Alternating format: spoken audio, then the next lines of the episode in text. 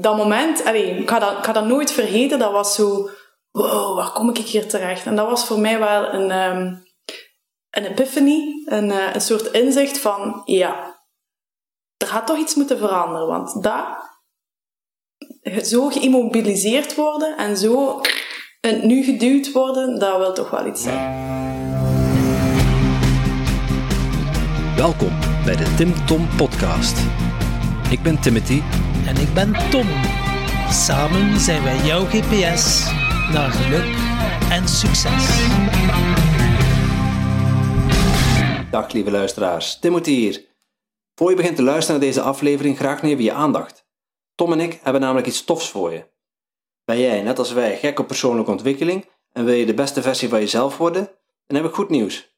Speciaal voor jou hebben we onze beste leestips en onze mooiste inzichten samengevat in een handig e-book. Surf snel naar www.timtompodcast.com om jouw gratis PDF te downloaden. Dag lieve luisteraars, welkom bij alweer een nieuwe aflevering van de Tim Tom Podcast. Jouw GPS naar geluk en succes. Vandaag in route 67 hebben we Stefanie Reinhardt te gast. Deze vlotte veertiger met een hoek af omschrijft zichzelf als creatief, enthousiast en avontuurlijk.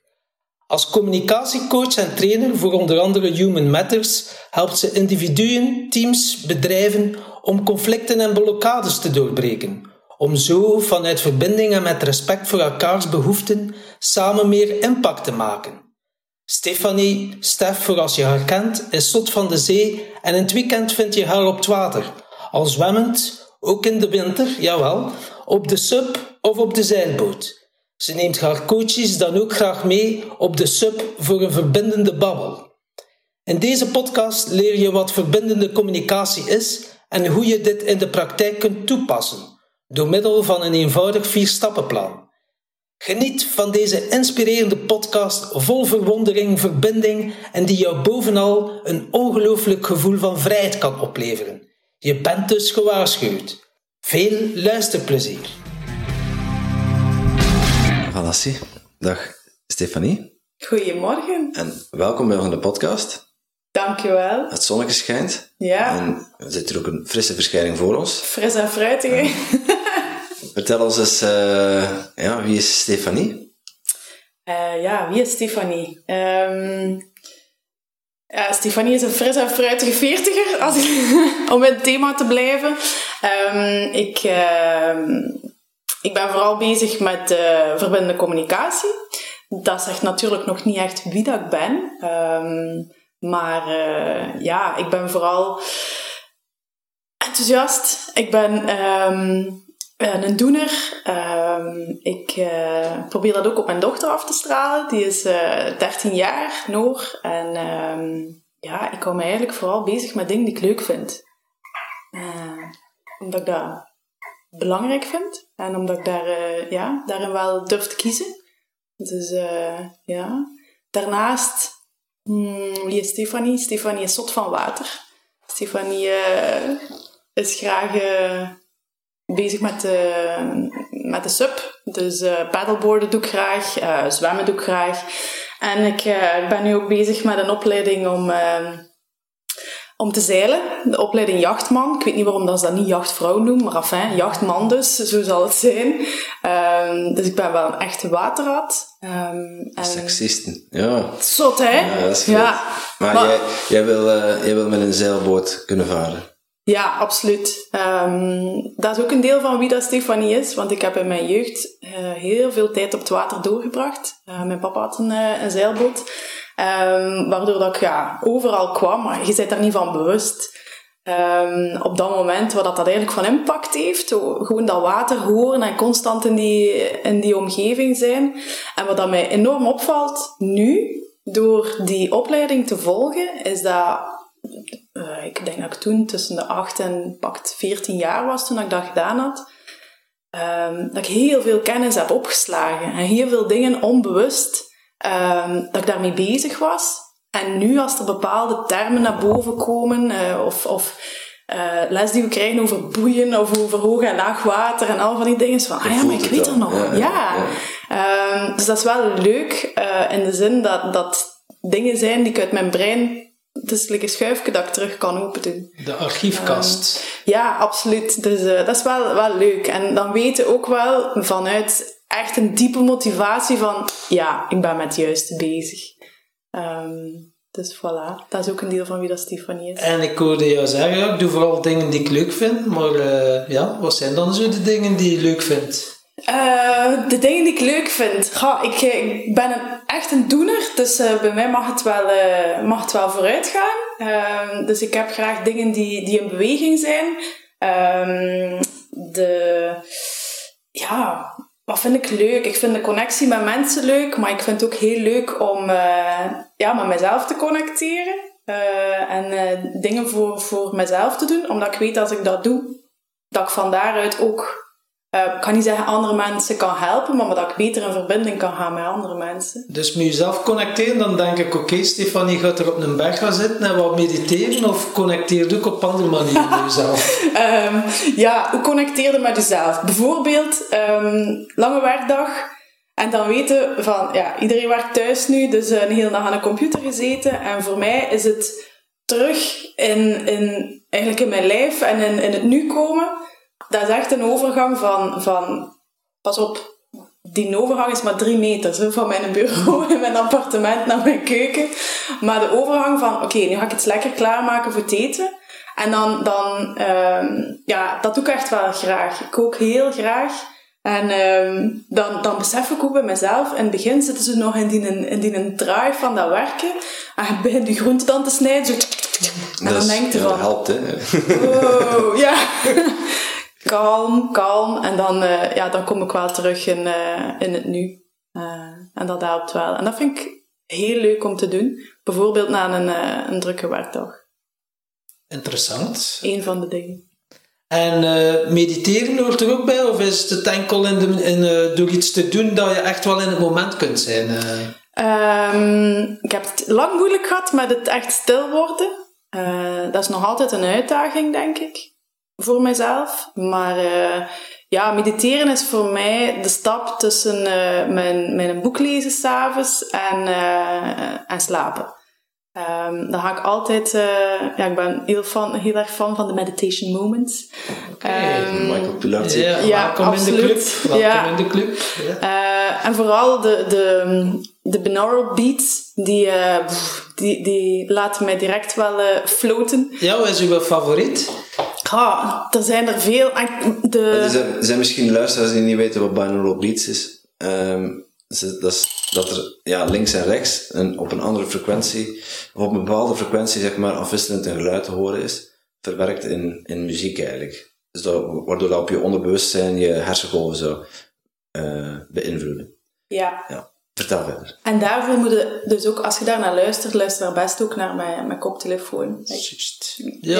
ja um, leuk wist je dat. Ja. Leuk wist je dat. Um, de, maar ik ben nu vergeten hoe dat dan noemt. De pandrum of de... Ah ja, zo'n, pandrum moment. Ja, ja, ja. Dat is mijn favoriet. Ah, oké. Okay. Dat geluid. Um, en ook hoe dat, dat bespeeld wordt, dat instrument, dat vind ik fantastisch. Dus uh, ja, dat is een beetje like een mantra voordat ik ga slapen. Dat is eigenlijk altijd hetzelfde. Je kunt dan kiezen hoe, hoeveel minuten dat, ja, is. Ja, ja, Dat is dan altijd 30 minuten bij mij. En na 10 minuten ben ik weg. Dus is dat nu mediteren? Oh, bij mij is dat het verschil tussen, tussen het, het bewust nog met iets bezig zijn um, en echt loslaten. Dus, en wat doe je dan? Plat op je rug liggen? En... Ja, uh, een beetje de, de shavasana. Um, dan Wat lief? De Shavasana van in de, in de yoga, de, de dead body pose. Dan leg je gewoon op je rug. Um, in mijn geval wel met mijn knieën een beetje ja, omhoog. De meeste mensen noemen dat slapen. Ja. en maar voilà, dat is het volgende. Dus ja. uh, daardoor val ik ook wel uh, in slaap. Dus het stil zijn, dat gebeurt bij mij vaak op die manier. Maar ook, ik kan ook enorm genieten van uh, in stilte kuisen. Dat klinkt misschien heel raar, maar ja, ik, um, dat is terwijl dat u uw huis in orde brengt, um, of dat je poetst of strijkt of, of wat dat ook is.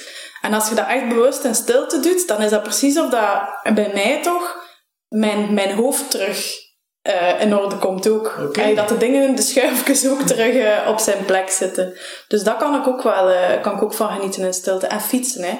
als ik niet naar een podcast luister van jullie op de fiets, dan eh, durf ik wel ehm, gewoon te genieten van de stilte en van, ja, van de, de geluiden die ik, eh, die ik rond mij hoor natuurlijk. En die stilte ervan genieten, is al zo gans je leven dat je dat beoefent? Of is dat eh, een moment gekomen dat je dacht van, wauw, ik ga hier gewoon eh, volledig in troot, ik moet hier wel iets anders beginnen Ah, ja, direct in de diepte, hè. Voilà. Ja, dacht, ik ga een keer een vraagje stellen. Ah, ja. Oké. Ehm, ja, nee, er zijn wel wat momenten geweest. En eigenlijk heb ik er vanmorgen nog aan gedacht. Want ik wist dat ik had gedacht dat ik die vraag ging stellen over... eh, ehm, omdat ik ook zo...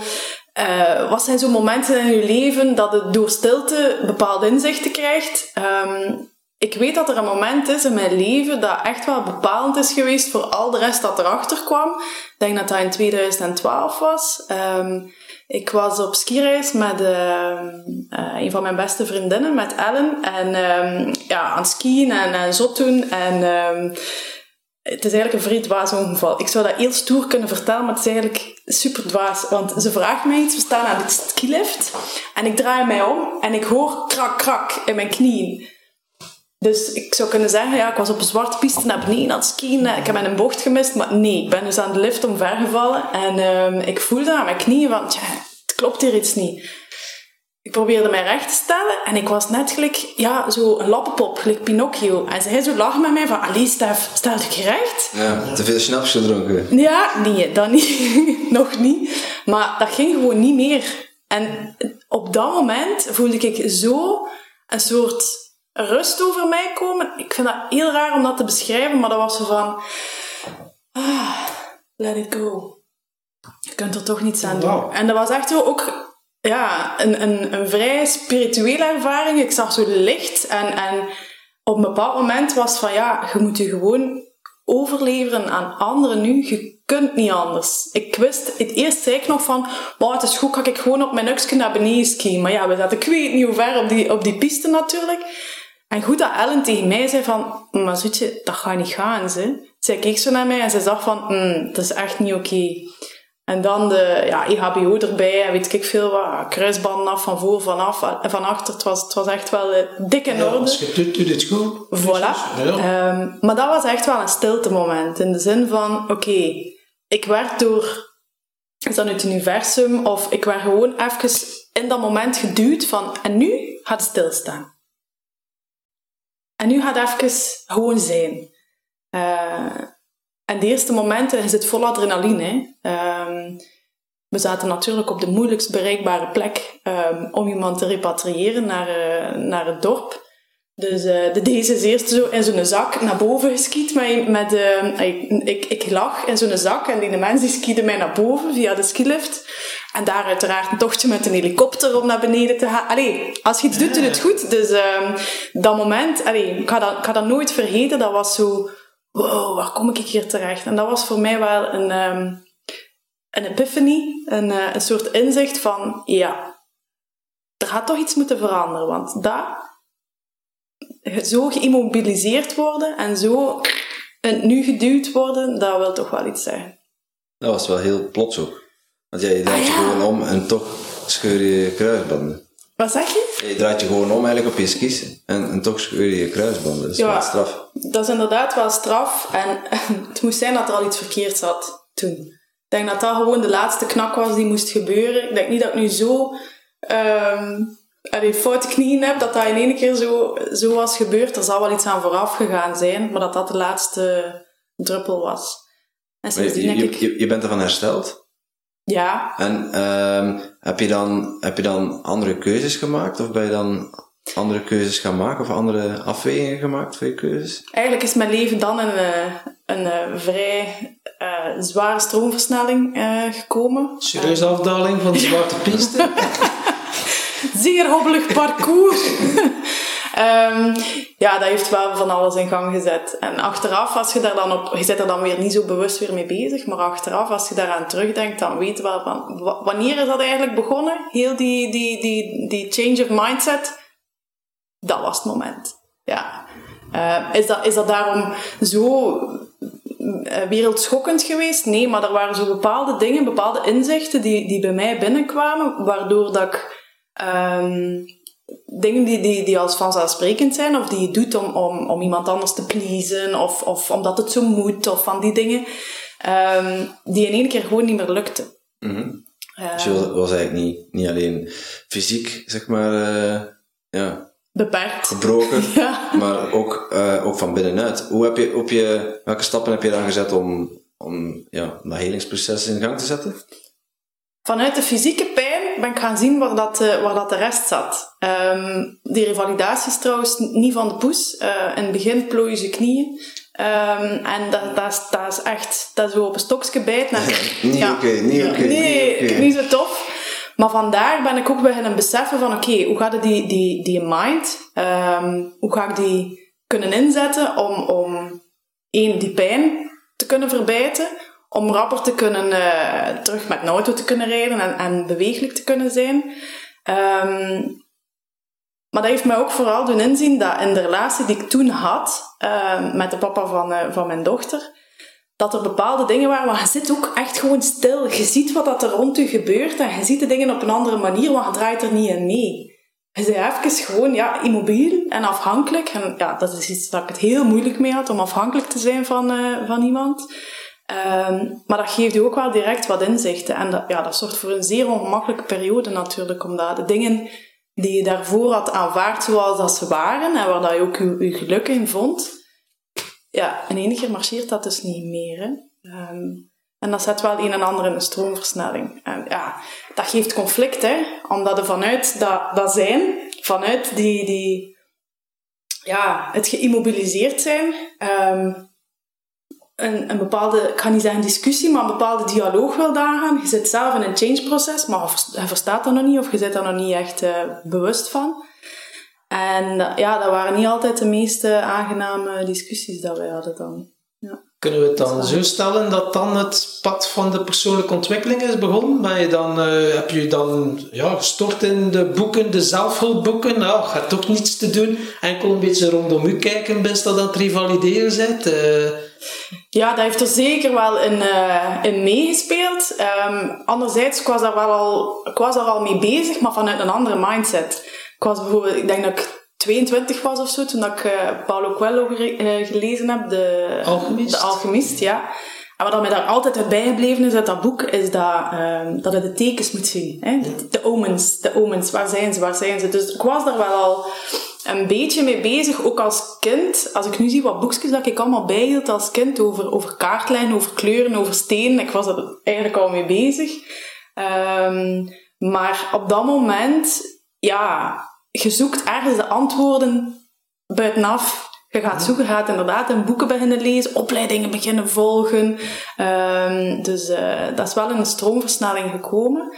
Ehm, ja, anderzijds, ehm, ik ben dan ook ondertussen ook wel gescheiden. Dus eh, dan heb je ook wel even andere dingen om je mee bezig te houden dan uw, uw persoonlijke ontwikkeling. Pas op, uiteindelijk draagt dat bij aan uw persoonlijke ontwikkeling, omdat je daar heel veel uit leert. Maar op dat moment ziet het dat niet zo natuurlijk. Ehm, maar het maffe is dat op het moment dat ik, eh, dat ik dan gescheiden ben, dat was in 2015, ik, ben, ik was aan het verhuizen en ik, eh, de lift werkte nog niet in mijn appartement. En eh, ik was eh, een kast of tien of het ander aan het verhuizen. En ik ben op een trap, knak zeg mijn knie, Oké. de andere kant.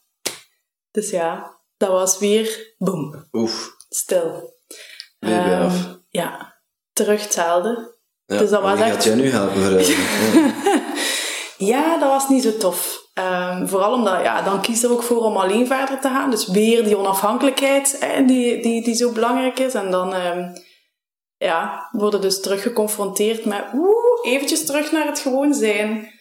Ehm, maar daar heeft mijn mindset wel geholpen. Het voordeel is, als je iets al meegemaakt hebt, dan weten wat dat er te wachten staat. Ehm, fysiek dan de revalidatie, mentaal ook de, de, de klop die je daarvan krijgt. Dat was eh, ook weer niet mijn, mijn beste periode. Maar het feit dat ik wist wat er mij te wachten stond aan revalidatie, heb ik ehm, bepaalde beslissingen genomen. Ehm, zelfs voor de operatie, bijvoorbeeld, ja, eh, gezegd dat ze een andere verdoving moesten gebruiken, omdat ik was er zo groggy van, van die eerste keer. Dus dat meegegeven. En ik heb echt in mijn hoofd gestoken, na een week rijd ik weer met een auto. Hoe pijn dat die eerste knieplooi-sessies mogen zijn. Als je langer wacht, dan verliest je spierkracht. En ja, dan, is het dan, is, dan duurt het traject om te revalideren gewoon langer. En door dat in mijn hoofd te steken en daar zo dedicated voor te gaan, die eerste week was de hel. Was echt de hel. Ik weet het nog. Mijn pa was aan het schilderen in mijn appartement. En ik lag in mijn bed. Ja, ik kon moeilijk eh, bewegen. Ik moest aan Noah vragen om een icepack uit, eh, uit een diepvries te halen. Maar ik was zo gefocust. En die kinesist kwam af en ik zei... Ik zeg, kijk, na een week... Volgende week wil ik terug met mijn auto rijden. En ehm, dat is gelukt. Kijk eens aan, wat dat met Ja. de mindset allemaal niet kunt doen. En door die les te leren, kan ik mij wel voorstellen dat je nu wel ja, echt wel eh je mindset op andere gebieden ook gebruikt of eh, inzet. Ja, ik, ik hoorde jou spreken over eh, verbindende communicatie. Ja. Eh, kun, kun je ons daar wat meer over vertellen? Want ja, communicatie, eh, de spraak, beeld, eh, maar verbindende communicatie, hoe... Ja, is dat verbaal ook non-verbaal? Want ik denk dat je met non-verbaal ook kunt verbinden. Ik ga de vraag eerst terugstellen. Ik weet dat de bedoeling is dat jullie vragen stellen aan mij. Maar als je eh, de term hoort... We worden hier op de proef gesteld. Ja, ja, ja. Als je de term hoort verbindende communicatie, waaraan denkt je dan zelf? Wat denkt je zelf dat dat zou kunnen zijn? Voor mij, het eerste dat opkomt is connectie met een ander maken. Maar daarvoor niet mee woorden, maar gewoon geconnecteerd zijn met iemand anders. Oké. Dat is het eerste dat in mij opkomt. Ja, dat is eigenlijk op een andere manier zeggen wat dat verbinding is. Dat is connectie, oké.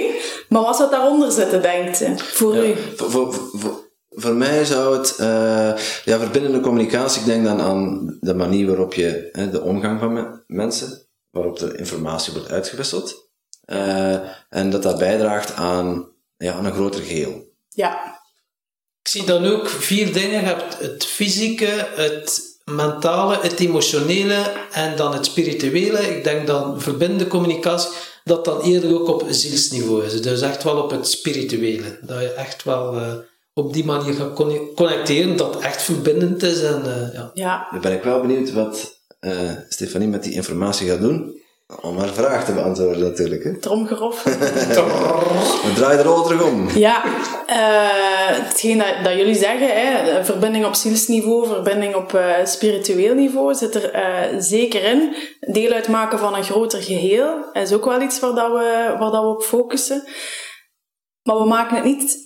Het is ook niet te moeilijk. Allee, niet te moeilijk in die zin. Het is niet dat je echt een heel model moet van, eh, van buiten leren. Eigenlijk de kern van verbindende communicatie is dat je vanuit je eigen ehm, gevoel en vanuit je eigen behoeften gaat leren in contact gaan met anderen. En je gaat ook gaan zoeken van ehm, wat leeft er in de andere? Wat leeft er in mij op dit moment? En van daaruit ga je in communicatie treden, in dialoog treden. Ehm, dat lijken twee zeer easy termen. Hè? Ja, gevoel en behoefte. Wat, leeft er? Wat, wat, wat bedoel je daarmee? Ja, wat bedoelen we daarmee? Een klein, Als- een klein ratje of een, een dwergkonijntje? Ja, eh, wel. a- Dat alles, eh, alles is verbonden, of alles eh, wat dat je doet, wat dat je zegt, hangt eigenlijk af van eh, wat dat je belangrijk vindt in je leven. Hangt af van je eigen behoeften. Ehm, of uw waarden. Als je het in een groter kader wilt zien, wat zijn uw waarden en hoe, hoe ga je die, die waarden gebruiken om eh, om te zetten in behoeften en om van daaruit te communiceren met anderen. Om van daaruit ehm, een duidelijk ehm, eh, verzoek te kunnen gaan doen naar iemand, maar vanuit uw waarden. Vanuit uw, uw eigen behoeften. En de, de twee sleutelelementen in verbindende communicatie, er zijn er vier. Eigenlijk zijn er vier stappen in verbindende communicatie. Ik zal ze even opstommen en, Ja. opsommen en daarna de, de twee belangrijkste eruit halen.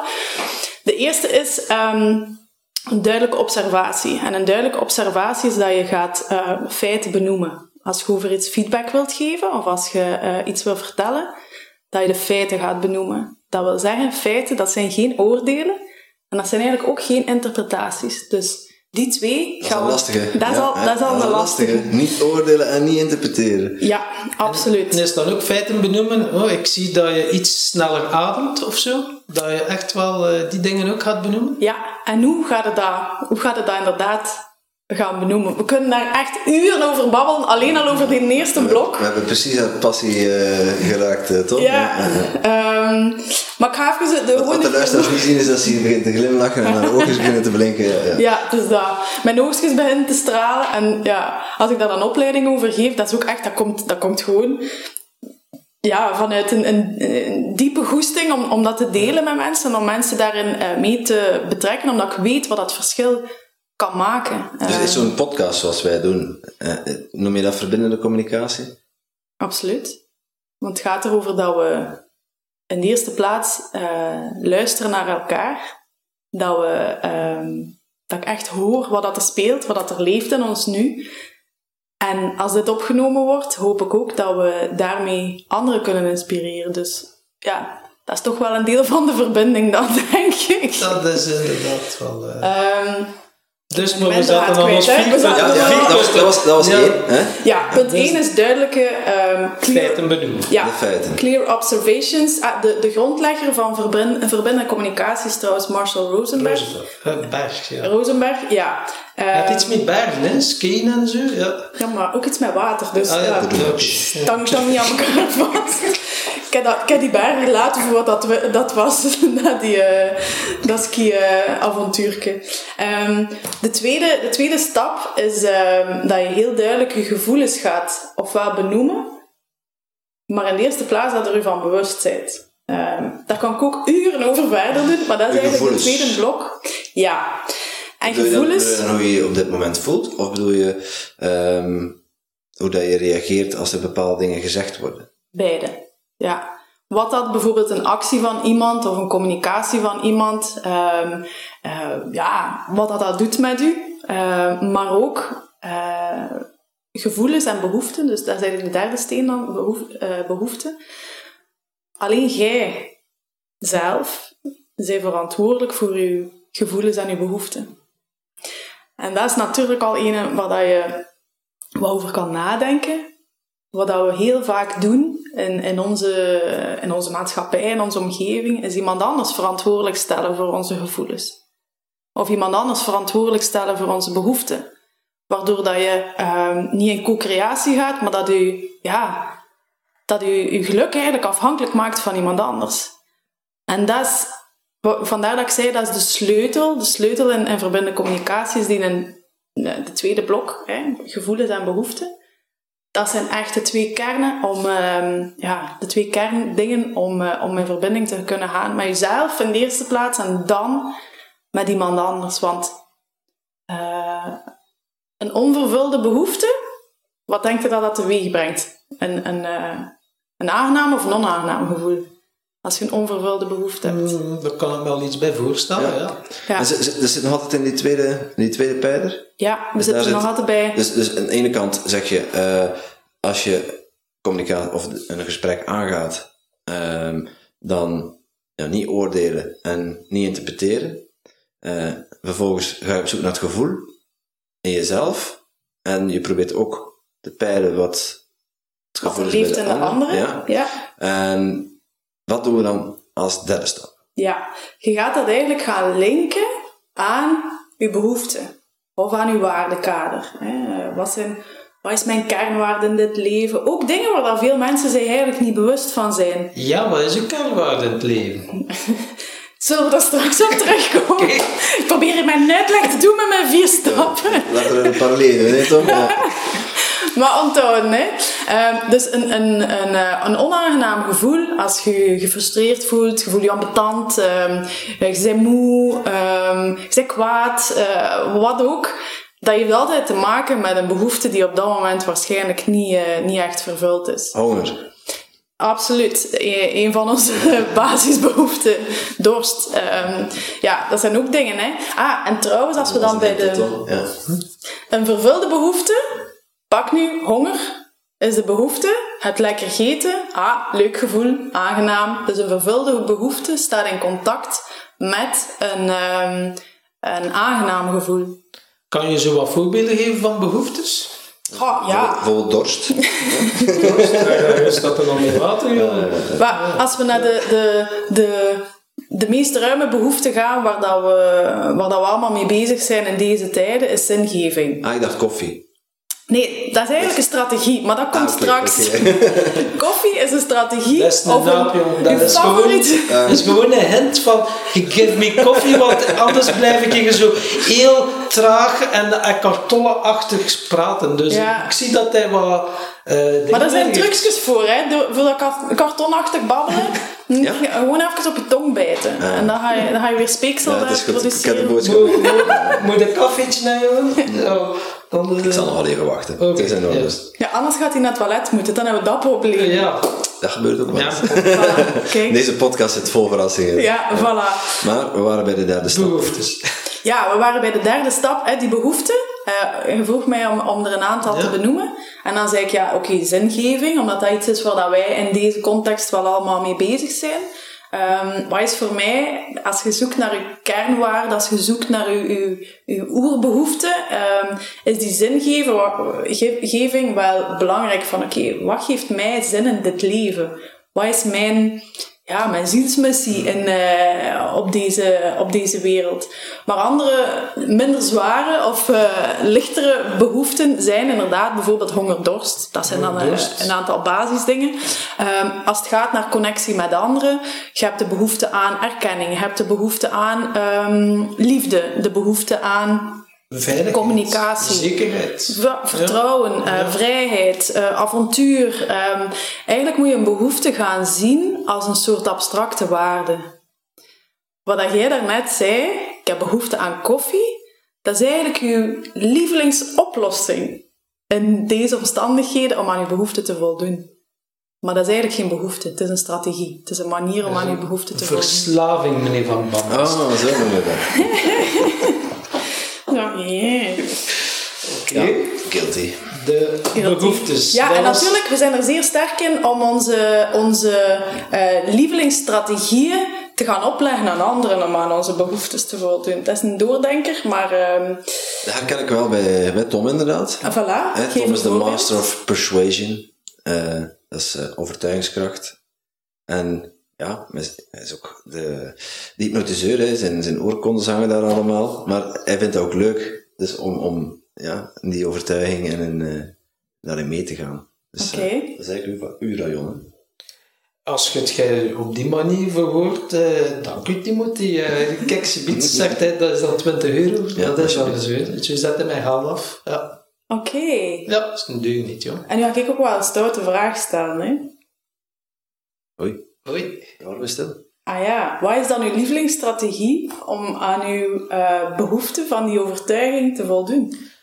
Wat is mijn lievelingsstrategie? Eh, mensen eh, testen is misschien wel een verkeerd woord, maar mensen opties geven. Ja. Oké. Ja. Ja, ik geef graag mensen opties tot wanneer dan ze tot een aha-inzicht komen. Dan zoiets. Ah, zo heb ik het ook nog Dat ze bekeken. wakker schudden in. Ja, ja. Ja, ja. En dan zal ik subliminaal wel af en toe suggesties geven wat ik wel plezant vind, maar daarvoor hoeven ze het niet door te hebben. De stille maar kracht, ja. dat toch mensen zo op de deur dan komen, aha, en dat, dat ze precies het gevoel hebben dat het in zelf komt, en dat vind ik wel wijs. Ja. En als je ze echt precies het gevoel hebt, het komt ergens wel Het uit. komt wel uit hunzelf. Ik heb het gewoon even naar de oppervlakte gebracht, zonder dat ze al doorgaan, Ja. Alright. bijvoorbeeld. Kijk, dat, dat, dat geeft dan weer, hè, eh, vanuit die behoefte, hoe ga, je, hoe ga je dat dan in de praktijk omzetten? Hoe ga je dat dan eh, doen? Dat geeft u waarschijnlijk, want als ik u hoor babbelen daarover, dat geeft u ook voldoening. Voldoening, zingeving en het geeft mij ook energie. Mensen inspireren en anderen helpen. En dat geeft mij een supergoed gevoel, maar het kan ook wel een valkuil zijn, merk ik, dat het niet is dat ik iemand anders nodig heb om dat supergevoel of dat supergoed gevoel te ervaren. Weet je, dat supergoed gevoel zou ik ook op mezelf kunnen eh, ervaren door in het nu te zijn. Maar ik geef toe, dat is wel nog, eh, daar heb ik ook nog stappen in te zetten. Om echt wel tevreden te zijn met mezelf. En niet iemand anders nodig te hebben door hem te inspireren of haar te inspireren. Zeggen, oh wauw, dat ik zo, ah yes, ik heb weer iemand... Zie eh, mij graag, zie Ja. mij graag. Ja, voilà. de ja. herkenningen. Dus dat is, daar ben ik me nu heel hard ook van bewust van. Yes, dat, dat goed gevoel zit ook zelf in u. Dus je kunt dat ook zelf naar de oppervlakte brengen. En Ja. ben ik nu al mee Ik bezig. denk dat iedereen dat wel een beetje ervaart. eh, van, ja, je, je, zoekt altijd, je zoekt altijd het buiten jezelf, hè, maar Voilà. Hetgeen dat ik daarnet zei, want we zitten net nog altijd bij de vierde blok, hè, dus we ja, moeten nog iets Daar doen. is zeker Hetgeen behoefte. dat ik daarnet zei, is de enige persoon die verantwoordelijk is voor het vervullen van uw behoeften, dat ben jij zelf. Ja. Hoe zei het de mentor?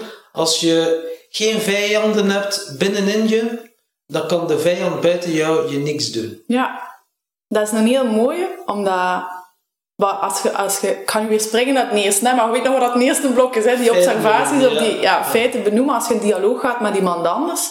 Maar niet iedereen spreekt al zo verbindend natuurlijk, dus die ehm, interpretaties of oordelen, dat wordt ook wel naar u. Eh ah, je bent weer te laat, of je bent weer ehm, eh, whatever. Eh, wat is een, ver- een verwijt dat ik kunt door? En dat is iemand die eigenlijk tegen u zegt, ja, je bent, een- je bent een blauwe kikker, maar in om te welke, welke context. dat is een beetje zoals ik mij voel als ik in de buurt ben van Tom.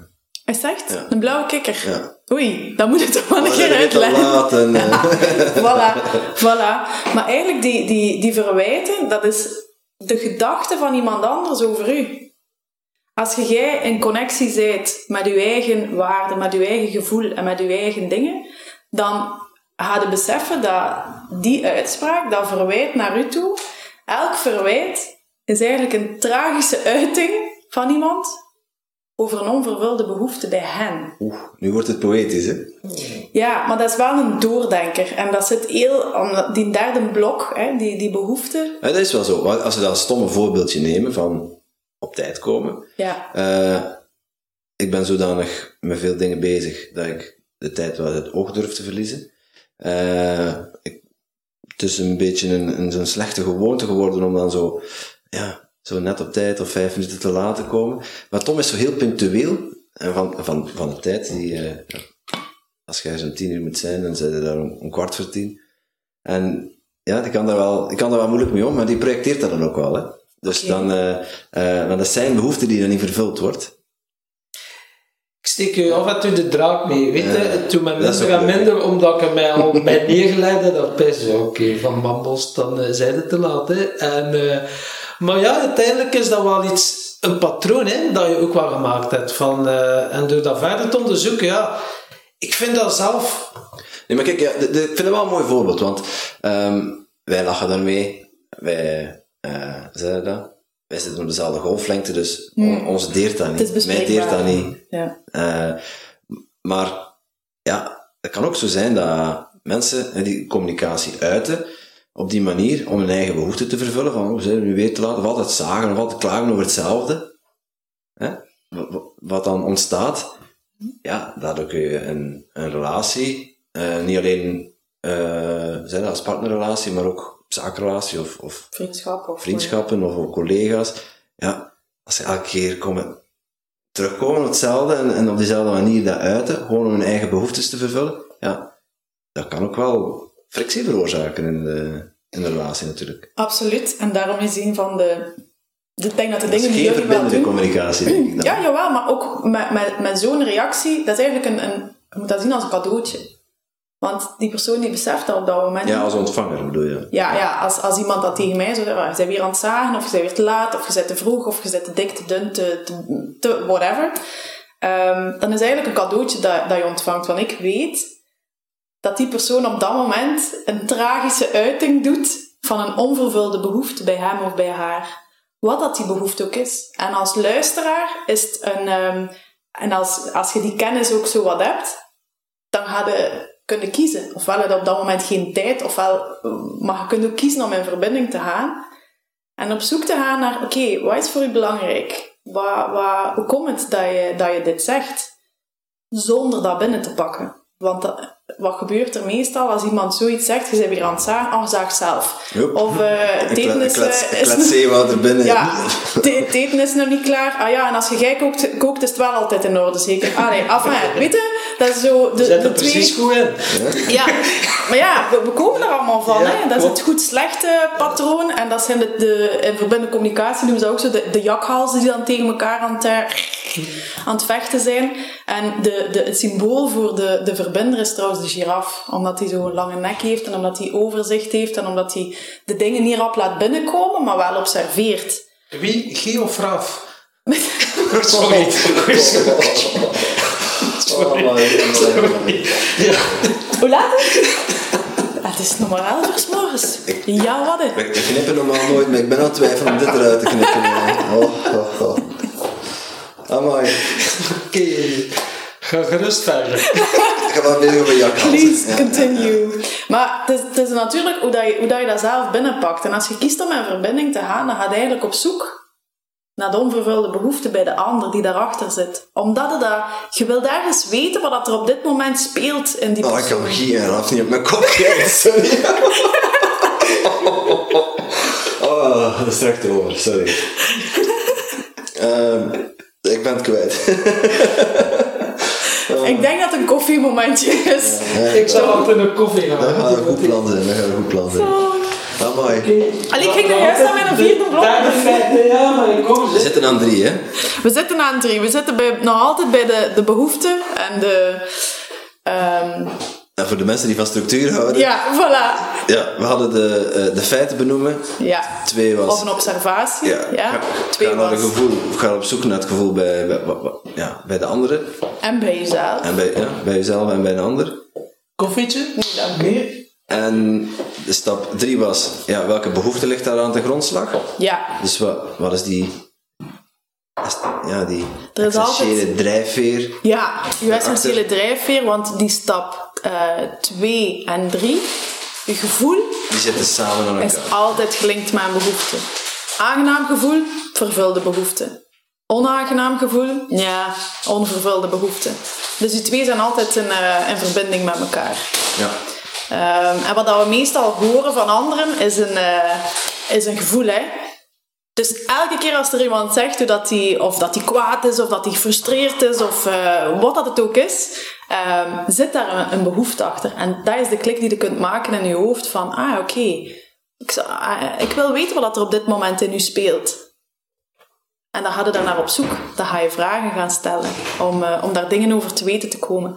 En meestal is dat, ehm, ja, als je dat dan als, als kenner doet met iemand, dan is Natuurlijk, het is wel makkelijk gezegd, want als je een emmer shit over je heen krijgt, ja, ja, gaat dan best wel vragen terugstellen. Hè? Ja. Eén, je bent, je bent, bent misschien fysiek bedreigd ook nog, maar je, bent, je voelt je verbaal be- bedreigd. ja, Eh, misschien met je rug tegen de muur gezet.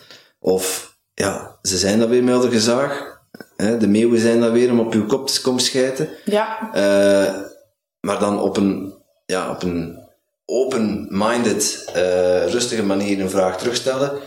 Ja, dat is misschien tof als je een zen-boeddhist bent. Ja we sla, onze amygdala slaat al tilt, hè? ja, ik wou Ja. net zeggen. Eh, ik zit met een fight, met een fight-modus dan. eh. Ja, maar kan je, niet, kan je niet beweren dat je die moet onderdrukken. Maar je moet ergens de tijd krijgen om, te, om je bewust te worden van wat dat, dat doet met je intern. Als iemand inderdaad je verbaal eh, aanvalt. Je voelt dat eh, op korte termijn, hè, een emotie duurt eigenlijk maar 90 seconden. Dus wat duurt er in die 90 seconden? Je moet eigenlijk die tijd proberen winnen of die tijd proberen pakken.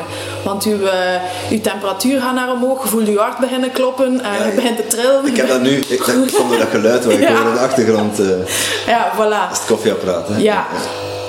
En die 90 seconden dat die emotie echt naar boven gaat, is de uitdaging om, om een beetje ja, tijd te winnen. En wat ik meestal voorstel aan mensen die ik dan, die dan wat begeleid, dat is welke vraag stelde dan? Eigenlijk wilde meer te weten komen van oké, wat zit daarachter? En de eerste beste vraag die je kunt stellen is: oké, vertel. En dan gaat die persoon waarschijnlijk die zelf in emotie zit en die, die jezelf aan het aanvallen is. Nog een emmer bagger over Ja, de maar dat gaat ook met 90 seconden duren. Op een bepaald moment is een bagger eruit.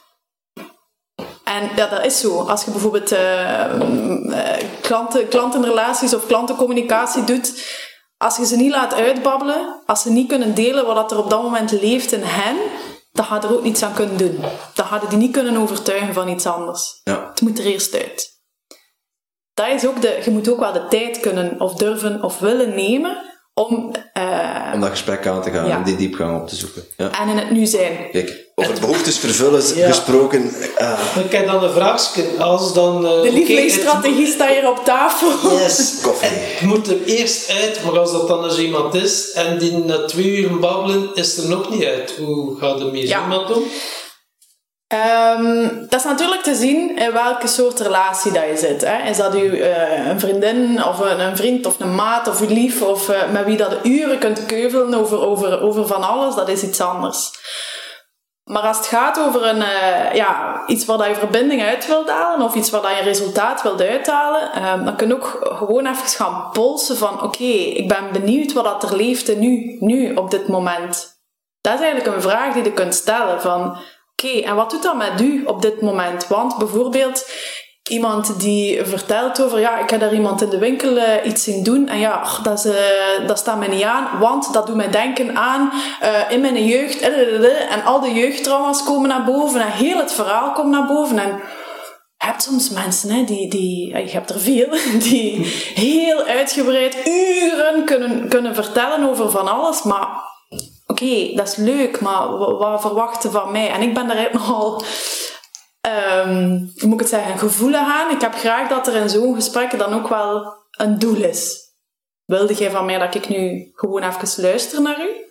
Ah ja, oké, jawel, ça va. Dan ga ik een, een half uur luisteren of, of wat dan ook. Het kan ook zijn, wilde jij, wilde jij advies van mij? Wilde jij mijn mening over bepaalde dingen? Je kunt ook uh, vragen. Het blijft een dialoog natuurlijk. Maar met mensen die uren blijven doorgaan, is de uitdaging om als verbinder, om als communicator ook op zoek te gaan naar wat dat de onvervulde behoefte is die erachter zit. Of wat dat het gevoel is dat op dit moment leeft in hen. Um, het is niet zo gemakkelijk, want um, op dat moment, eigenlijk niet zo gemakkelijk, je, je moet ook durven onderbreken. Je denkt van, oeh ja, ik ga hier niet te veel tussen Kun je zo een keer uh, een voorbeeldsituatie geven? Iemand die je nu zo spontaan te binnen schiet, dat je zag van, oké. Okay. Um, een voorbeeldsituatie. Ja, iemand... Uh, tun, tun, tun, Even nadenken. Ik heb eigenlijk wel zelf misschien nog een voorbeeld. Um, ik heb niet alleen gevraagd, ik kan het. maar het kan wel. Ja. Maar gewoon ja. het, het, parabel van, ik ben wel benieuwd van hoe dat je daar dan um, mee om zou kunnen gaan door met wederzijds respect, zeg maar. Want uh, soms heb je zo van die mensen die tegen je beginnen praten en dan echt ja, praten, praten, praten, praten, praten over zichzelf of over een probleem of over iets. En dan, ja, ik heb, sta me nu eens bij van een seminar waar ik, uh, waar ik was, waar dat iemand uh, ja, mij in gesprek geraakt. En ik kwam die dan een paar keer tegen. En dat was iedere keer weer hetzelfde verhaal. en dan weer datzelfde deuntje. De gekraste plaat. Ja, juist. Alleen, ja, op een gegeven moment ben ik er dan klaar mee. En dan denk ik, ja, voor mij is het goed geweest, stop, genoeg. Maar ja, hoe, hoe, hoe breng je dat op een, op een, ja, op een goede manier eigenlijk. Ja. Want, want is, is, dat, is dat het voorbeeld waar je naar, naar op zoek was, zoiets? Ik vind dat wel een goede, omdat in heel veel gevallen zijn die mensen zich op dat moment ook niet echt bewust van de impact die ze daarmee hebben op anderen. Die vertellen en die vertellen en die vertellen, omdat ze waarschijnlijk iets kwijt moeten, maar ze weten eigenlijk ook niet goed wat. Ze weten ook niet goed wat dat daarachter zit. Uh, dus die doen altijd met hetzelfde verhaal. Dat zijn ook, op dat moment blijven die ook hangen in hun, in hun patronen of in een, want ze blijven dat patroon maar herhalen en communiceren naar anderen. Um, als verbinder, um, kunnen dat, ik kan niet zeggen dat je dat patroon op 1, 2, 3 gaat kunnen doorbreken, maar je kunt wel uh, de vraag stellen in je achterhoofd houden van, oké, okay, welk gevoel speelt er op dit moment mee en wat is de onvervulde, want meestal iemand die altijd hetzelfde zegt, dat gaat over een onvervulde behoefte maar is zichzelf daar niet van bewust op dat moment. en wat moet je dan zeggen? Kijk, wacht, stop even. Uh, ik wil je even iets, uh, iets zeggen. Ik zie dit en ik denk dat je een enorm tekort hebt aan zelfliefde. Misschien moet je daar eens mee aan de slag. Salut. Bam. Dat is nu echt het, het voorbeeld van hoe het niet moet. Ah, Oké, toch niet, toch niet. Omdat je zegt, ik denk... Maar dat is wat ik Dat is al een interpretatie en dat is geen gevoel. En die zelfliefde, ja, dat is, eh, dat is een guess, dat is een, een iets raden en dat, dat is oké. Maar eigenlijk moet je, wil, je, wil je eerst, eh, je kunt raden naar wat is de behoefte of wat is het gevoel dat daarachter zit. Ehm, maar vraag het eerst een keer van, oké, wat speelt er nu? En wat maakt dat, eh, hoe voelt u dan nu op dit moment? Op dit moment. De uitdaging is eerst van die mensen die in hun verhaal zitten, van ze terug te brengen naar nu. Want die zijn zodanig aan eh, die zitten heel tijd in diezelfde film, dat ze eigenlijk niet geconnecteerd zijn met hun eigen, eh, met hun eigen behoeften. Dus uw uitdaging is om, om, om te vragen van, oké, en wat doet dat met u nu? En hoe voel je nu? Oké, en wat, wat is gezien die situatie nu eh, vandaag belangrijk om daar iets aan te doen of om daar eh, mee aan de slag te gaan? Wat heb je nodig? Dat zijn vragen waarmee dat je direct naar die behoefte gaat gaan. En iemand die dat voor de eerste keer hoort, die gaat zeggen van, wat vraagt een ding nu? Ik ben hier mijn verhaal aan het doen. Hè? Al tien keer, maar af, hè? ik ben mijn verhaal aan het doen. Ik heb gewoon? Snapt het ja, niet? ja, ik heb gewoon nood om te babbelen. Ik heb gewoon nood om... Zo, die mensen gaan dan zo'n dingen zeggen. Ah, oké, die nood om te babbelen, dat is eigenlijk een strategie. Een strategie, een manier om waarschijnlijk een bepaald Aandacht. trauma of aandacht of connectie. Die zijn desperately op zoek naar, naar hè, een, een aanhaking of, of, of wat dat het ook is. En door die vragen te stellen, ga je gaan polsen naar de echte behoefte die daarachter zit. En breng je die mensen ook terug naar het nu. Ehm, want de meeste mensen die, die dan eh, zo'n verhalen vertellen, die zitten ook in een verhaal van het verleden. Die zitten aan hun eh, vastgeroeste patronen vast. Dus ehm, op die manier ga je ze even terug katapulteren, een keer goed door elkaar schudden. Even uit eh, halen, hè, uiteindelijk. Ja, In een break state of zo, of afleiding zoek. En Ja. dat eh, werkt ook. een ballonnetje doortrekken. Ja, klopt. Want het gevaar is ook dat als je dan met zo'n mensen in, in een seminar ehm, te maken krijgt, wat ga je dan doen als, je de, als ze de volgende keer groepjes indeelt? Van ja, maar bij die moet ik niet zitten. Zo, Weet je wel? dan ga je die ook gaan mijden. En ook dat bevestigt bij hen dan ook het, het, eh, de onzekerheid. Dus die gaan eigenlijk nog meer in dat patroon gaan zitten. Ja, nog meer op de Wie gaat dat. Ja, voilà. Ofwel moeten ze op een bepaald moment zelf tot- tot een inzicht komen en bij een hypnotiseur gaan bijvoorbeeld, van ja, ik moet hier iets aan doen, want er is niemand die luistert naar mij.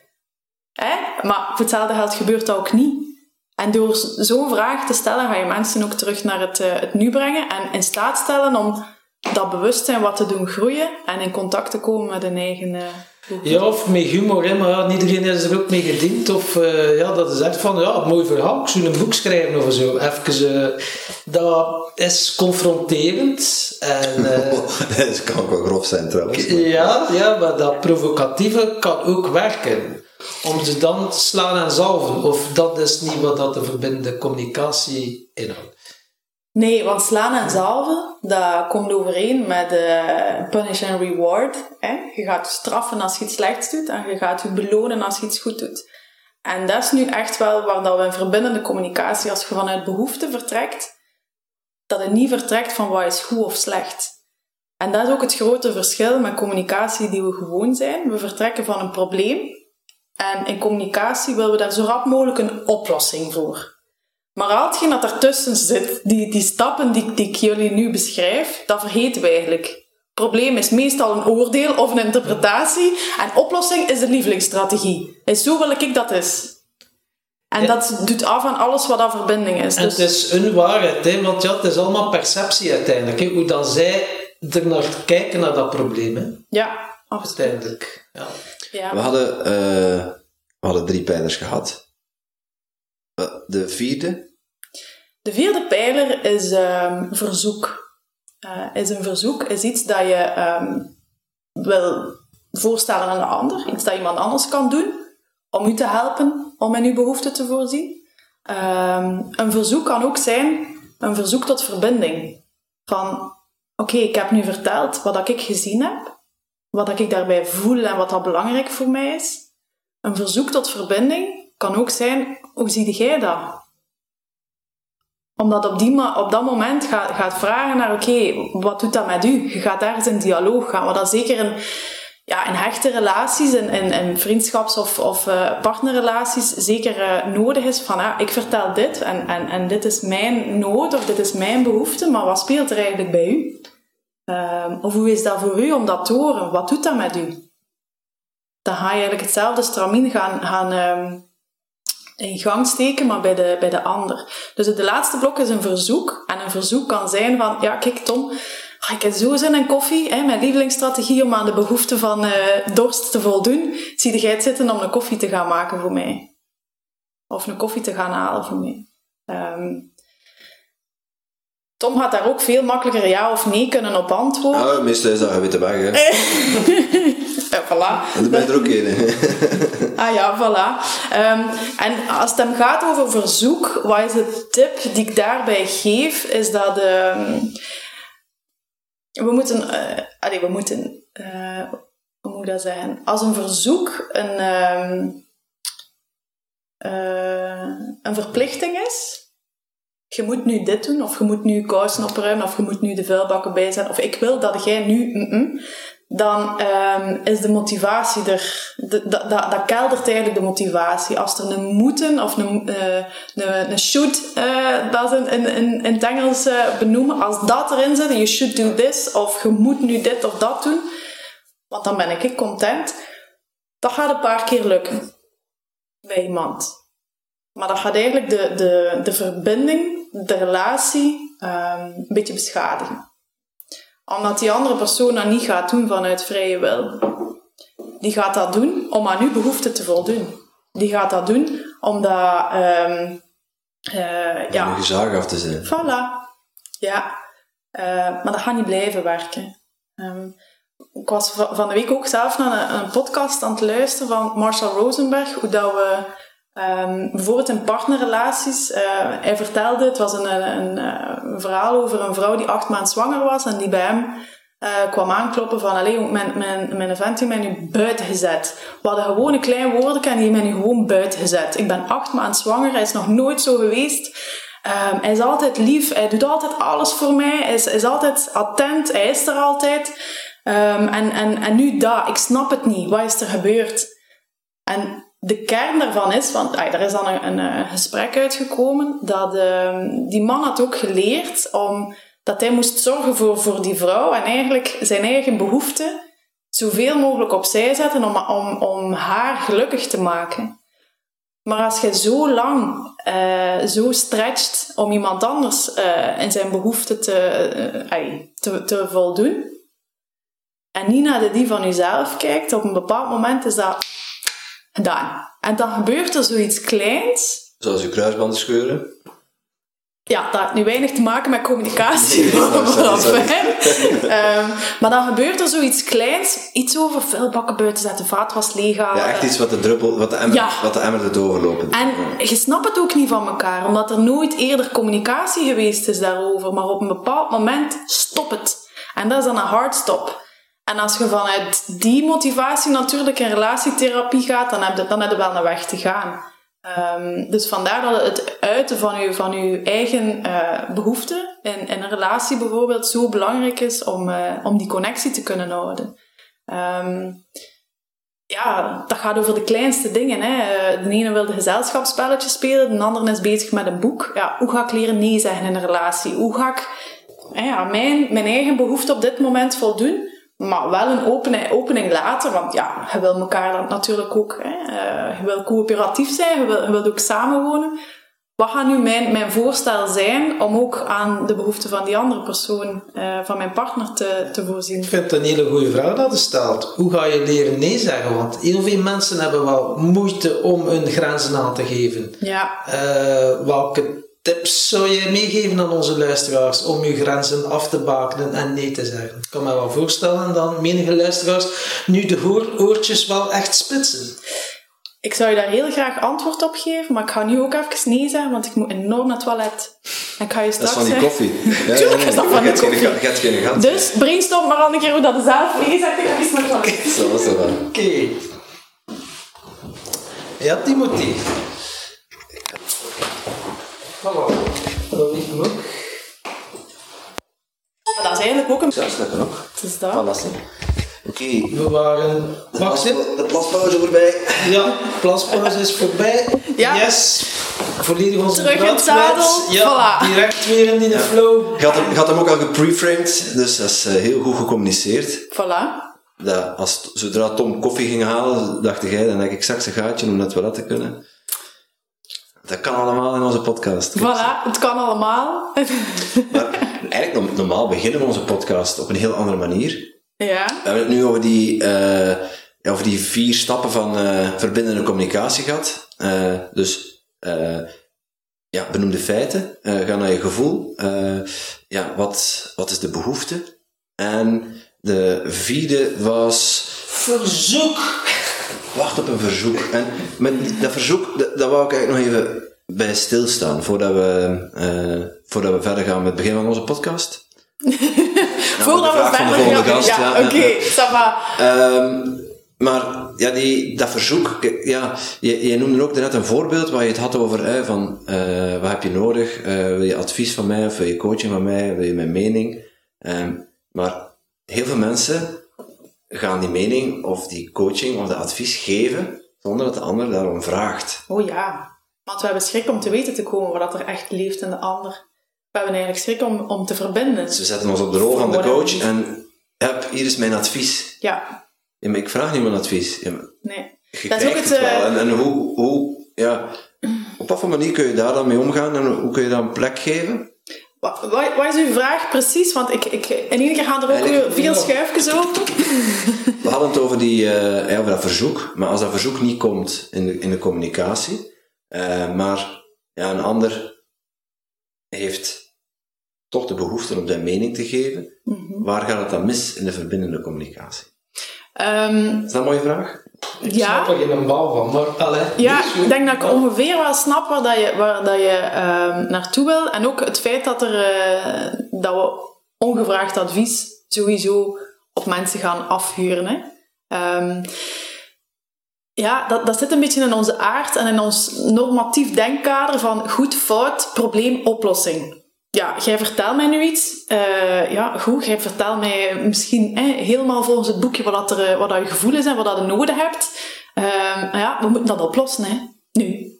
En jij babbelt met mij, dus jij verwacht van mij dat ik daar een oplossing voor geef. Dat zit zo wat ingebakken in, eh, in, onze, in onze manier van communiceren. Ehm, het, het, het interessante daarin is dat ja, jullie, jullie weten dat ook al, want we zijn ook bezig, we zijn bezig met zelfontwikkeling, maar door daarover te babbelen en door ehm, die gevoelens aan die, aan die behoeften te connecteren, komt die persoon die babbelt eigenlijk ook in een, in een, in een staat van bewustzijn en de oplossing, die is er meestal al. Ehm, maar dan is het ook aan ons, zelfs als er ons advies gevraagd wordt van, allee, help mij een keer, hoe moet ik dat hier nu oplossen? Zeg mij wat dat ik moet doen, ik weet het niet. Ja, ga terug naar je behoeften en kijk van daaruit welke oplossing dat je voor jezelf eh, interessant zou vinden. Ik zou die wel kunnen voorstellen aan u, omdat ik u heel goed ken bijvoorbeeld, omdat je mijn beste vriend bent of omdat je mijn lief bent, of eh, ik zou dat wel kunnen voorstellen, maar is dat aan mij? Ik, eh, ik weet het niet. Ehm, Ja, eigenlijk ben je Dus- dan al, eigenlijk ben je dan al aan het interpreteren dat die ander behoefte heeft aan jouw advies of aan jouw mening. Ik denk eh, ook wel dat is, het probleem is pas een probleem als je geen optie zet. Dat is een mooie En online onze kalender. Hè? En mensen eh, zitten in die tunnelvisie, maar ze zien geen opties. Maar als zij zes, zeven opties hebben, of twintig opties, en je zegt, well, dat kunnen doen, en je geeft betere opties, je geeft slechtere opties, of zo mensen ja, zeggen van, ah, ik vind geen werk en eh, ik sta hier op de ziekenkast en ja, niemand wil mij aannemen in die coronatijden. Ja, dan kunnen ze zeggen, oké, dat is toch makkelijk, je kunt al naar Netflix kijken en wordt ervoor betaald. Dat is ook een optie, maar we kunnen ook, ja, je kunt alle kanten ermee uit. En door heel dat volledig open te trekken, zit er wel altijd een keer iets bij zo van, ah ja, zo had ik het nog niet bekeken. En als iemand met u dan dat gesprek aangaat vanuit een verbindende communicatieperspectief, dan gaat hij niet gaan kijken van, allee, jong, zo content moeten zijn, ik kan heel daar naar Netflix kijken. Maar oké, en het feit dat, dat, dat niemand u aanneemt of dat, eh, hè, dat, je, dat je denkt dat je geen kansen krijgt, wat mist er daardoor? Wat, wat is voor u belangrijk? Wat, vind, wat zou jij zien als, als, eh, als uw job of eh, vraag door? En dan kom je bij de behoeften. Ja. En terug bij de, bij de favoriete oplossing van die persoon. Dat kan zijn dat hij graag Netflix kijkt hele dagen. Ja. Welke zingeving? Hè? Dat was zo de, de, eh, een van de grote behoeften waar we nu allemaal mee bezig zijn. Mensen die, die werkloos zijn, eh, tijdelijk of, of langer. Ehm, wat, wat zit daarachter? Wat, wat, wat knaagt er? Wat, wat, wat wil je bijdragen voor jezelf of voor iemand anders? Eh, dat is hetgeen waar dat je dan naar kunt, eh, kunt vragen natuurlijk. Ja, je kunt zeggen van, nou, de afval, hey, de afval Chinees heeft helemaal dat probleem, ja, je kunt ook zoiets beginnen, hè. Ah ja, maar dat wil ik. Oké, ja, maar dat is ook een optie, hè. Dus ook kun je eigenlijk de mensen volledig, eh, het spectrum volledig opentrekken. Ja, Ja, kijk. ja. Ik geloof wel dat... eh, ik, ik vraag dat ook altijd heel expliciet van ja... eh, we zijn hier aan het babbelen, hè. We, we hebben een verbindend eh, gesprek. Ehm, ik vraag dan ook wel van ja, is, wil je advies van mij? Of, of wil je mijn mening horen? Of, of wil je gewoon dat ik, dat ik er ben voor u? Of, of ja, wat vind je belangrijk op dit moment? Want ehm, ik weet dat ik vroeger, voordat ik hiermee fel bezig was, ehm, dat staat echt op mijn voorhoofd. Hè. Vertel uw probleem aan Stef. Ehm, en ik, vroeger pakte ik dat ook allemaal binnen. Van, oei, ja, ik moet daar nu echt meedenken voor een oplossing. En, en dan gaat dat goed komen. En, en dit en dat. Het gevolg was dat ik zelf geen energie meer had. Ehm, ik heb ook een, een, een tijdje... eh, ik, ben, ik ben ook gezondheidscoach. Dat is dat ik lang geleden eh, een opleiding die ik gevolgd heb. En waar ik echt iets mee wou doen. Vanuit de, de, nood om, om voor mezelf met gezonde voeding en, en, en eh, de maan en de steen en, de, en van al die dingen bezig te zijn. Maar ook om anderen te helpen. En wat ik merkte op dat moment is dat ik ga mensen coachen. Ja, ik ga een voedingspatroontje opstellen. Ik ga een, eh, een, een, eh, een coachingmethodiek uitwerken. En ik heb denk ik een tiental mensen ook effectief begeleid. En ik merkte dat als ik dat deed, ik was gewoon leeg. Gewoon omdat ik, ik zat nog altijd in het patroon van, ik moet die mensen een probleem oplossen. Maar dat is eigenlijk niet zo. En op dat moment voelde, voelde, voelde ik het als veiliger aan om training te geven voor grotere groepen. Dat was voor mij veel veiliger, want ze gaan niet rap vanuit hun persoonlijke issues bij u komen. Dus die groep, dat was veilig. Ehm, je, zei- je, zei- je staat vooraan en, en je doet je ding. Hè. Je geeft workshops of whatever. ehm, of je geeft training, maar hè, dat, dat, dat ging mij wel af. Wat dat ik nu, door, door ook die, die methodiek mijn eigen te maken en te weten dat er niet iedereen zijn problemen moet oplossen, maar dat begint met luisteren. Maar luisteren om te begrijpen. Niet luisteren om er vanaf te zijn en een oplossing te geven. Of niet luisteren om, om in te pikken. Om uw eigen verhaal te vertellen. Nee, nee, nee. Luisteren naar wat dat er op dat moment leeft in die mensen. En vanuit die methodiek kan ik nu veel beter ook ehm, die coachingrol eh, aangaan. Vroeger kon ik dat niet.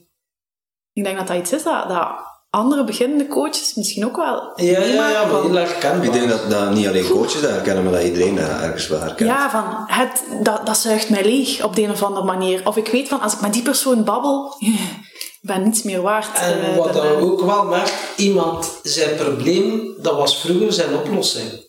Maar dat is dan een probleem geworden.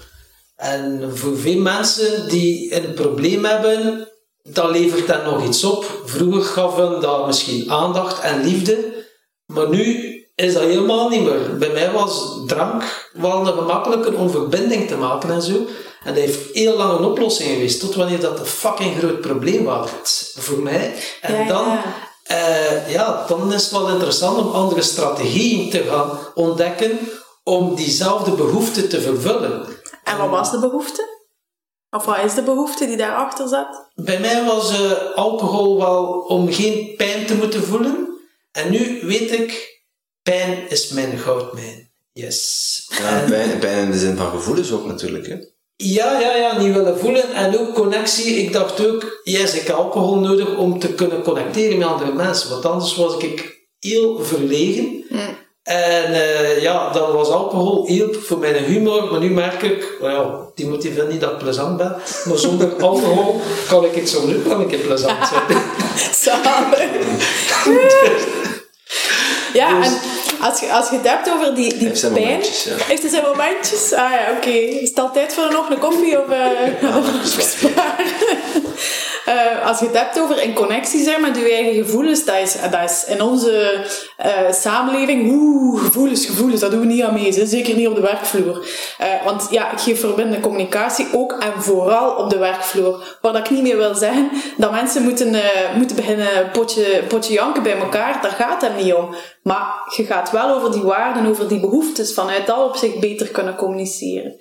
En wat is het gevaar met, ehm, er zijn vier eh, gevoelens, of we noemen dat ook pseudo-gevoelens, maar dat is nu, dat leidt ons misschien wel wat ver, maar anger, depression, guilt en shame. Dat zijn eigenlijk de vier gevoelens Ehm, die ofwel doordat u zelf iets verwijt, of doordat u kwaad bent of, eh, op iemand anders, of triestig voor iets dat gebeurd is uit het verleden. Dat zijn eigenlijk de vier grootste die ervoor zorgen dat de, dat u uw kracht buiten uzelf gaat leggen. Dat u macht afgeeft aan iemand anders. eh, om, om uw, uw dingen in handen te pakken. En je benoemt er dan een mooie, hè? Dus angst, Ehm, depressie, schuldgevoel en Guilt en shame. Ja. Ja. schaamte. Ja. Maar dan is dat bijvoorbeeld ook... Je hebt dan nu secundaire emoties en primaire emoties. Je kunt bijvoorbeeld boos zijn, maar eronder ligt nog verdriet. Dat is ook wel een interessante, omdat... Ja, en die twee, maar je hebt dan ook, ehm, je kunt gefrustreerd zijn, je kunt boos zijn, maar er zijn ook heel veel, we noemen dat ehm pseudo-gevoelens. En daar, daar ligt een truc, en vandaar dat communicatie zo belangrijk is, want het zit in die kleine nuances. Iemand die bijvoorbeeld zegt, ja, ik voel mij vernederd, ik voel mij opzij gezet, ik voel mij uitgesloten, ehm, ik voel mij belachelijk gemaakt. Eigenlijk achter al die gevoelens die iemand uitdrukt, kunnen zetten door u, door de ander, door. Hè.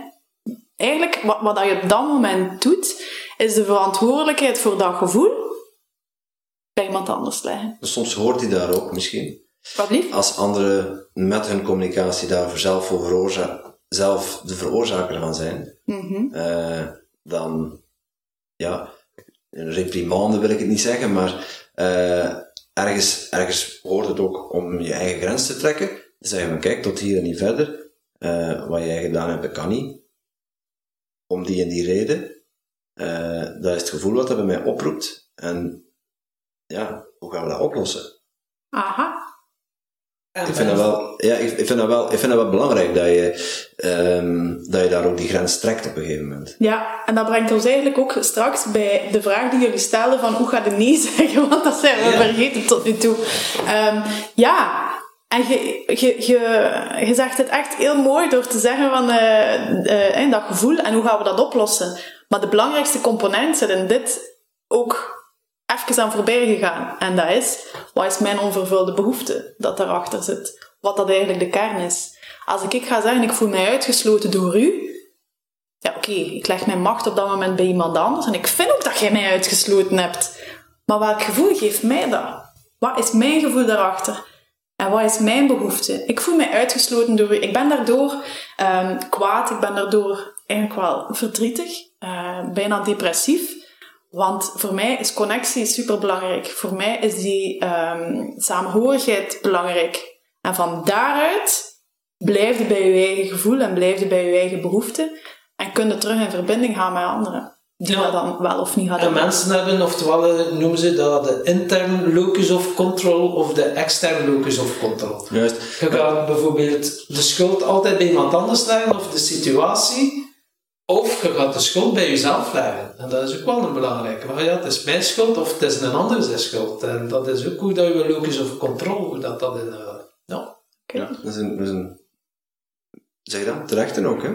Ergens, want eh je hebt allebei wel eh, een innerlijk kompas. Hè? Dat zijn die behoeftes en die, die gevoelens die daar, die daar aan zitten. Dat is de- eigenlijk de innerlijke kompas. Ja, En eh kan ik een boekje lezen van Marcus Aurelius. Niet om interessant te gaan beginnen doen, maar die heeft het onder andere over... ehm, Ehm, over dat innerlijke kompas waar bij jezelf zit, dat, dat je daar ook naar op zoek moet bij anderen. Dus van waar en wat drijft hun. Ehm, maar dat je, als je zo'n situatie meemaakt, dat je dan ook wel moet kunnen delen wat er bij jou, eh, wat dat bij jou doet.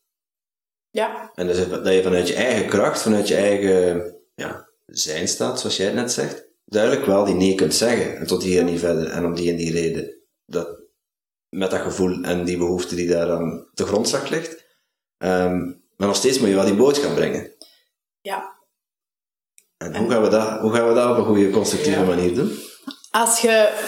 We hebben het daarnet al gezegd. Het gaat over die verantwoordelijkheid eigenlijk. Hè? Ja. Wat, wat, ik, wat ik naartoe wil is van, ja, die verantwoordelijkheid, ja, Tom zegt, eh, de schuld bij jezelf. Nee, je bent zelf verantwoordelijk, maar die ander is ook verantwoordelijk voor zichzelf. Ja. En ik hou van het principe gedeelde verantwoordelijkheid.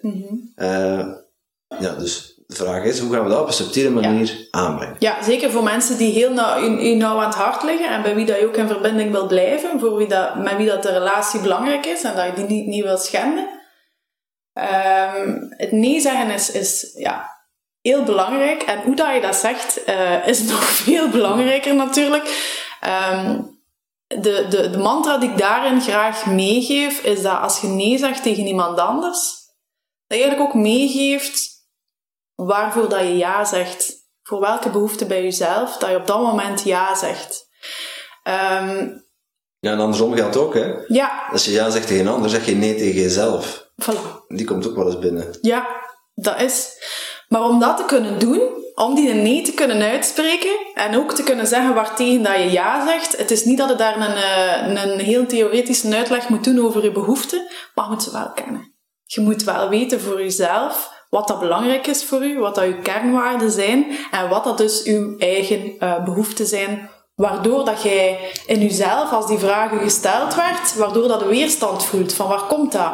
Tuurlijk, voor mij ambetant als iemand mij dat vraagt. Hè. Kunnen we nog een keer dat erbij doen op uw werk? Of kunnen we nog een keer dat erbij doen? Of eh, ja, dat moet tegen vanavond af zijn, dit en dat. Eh, de context is zeer belangrijk. Maar als je een nee uitspreekt tegen iemand, zeg dan ook tegen welke behoefte dat je ja zegt. Je moet niet zeggen van, ja, ik zeg nu nee tegen nu, omdat ik het belangrijk vind voor mijzelf. Ja, mensen gaan zeggen, ze hebben weer een cursus gevolgd. Hè?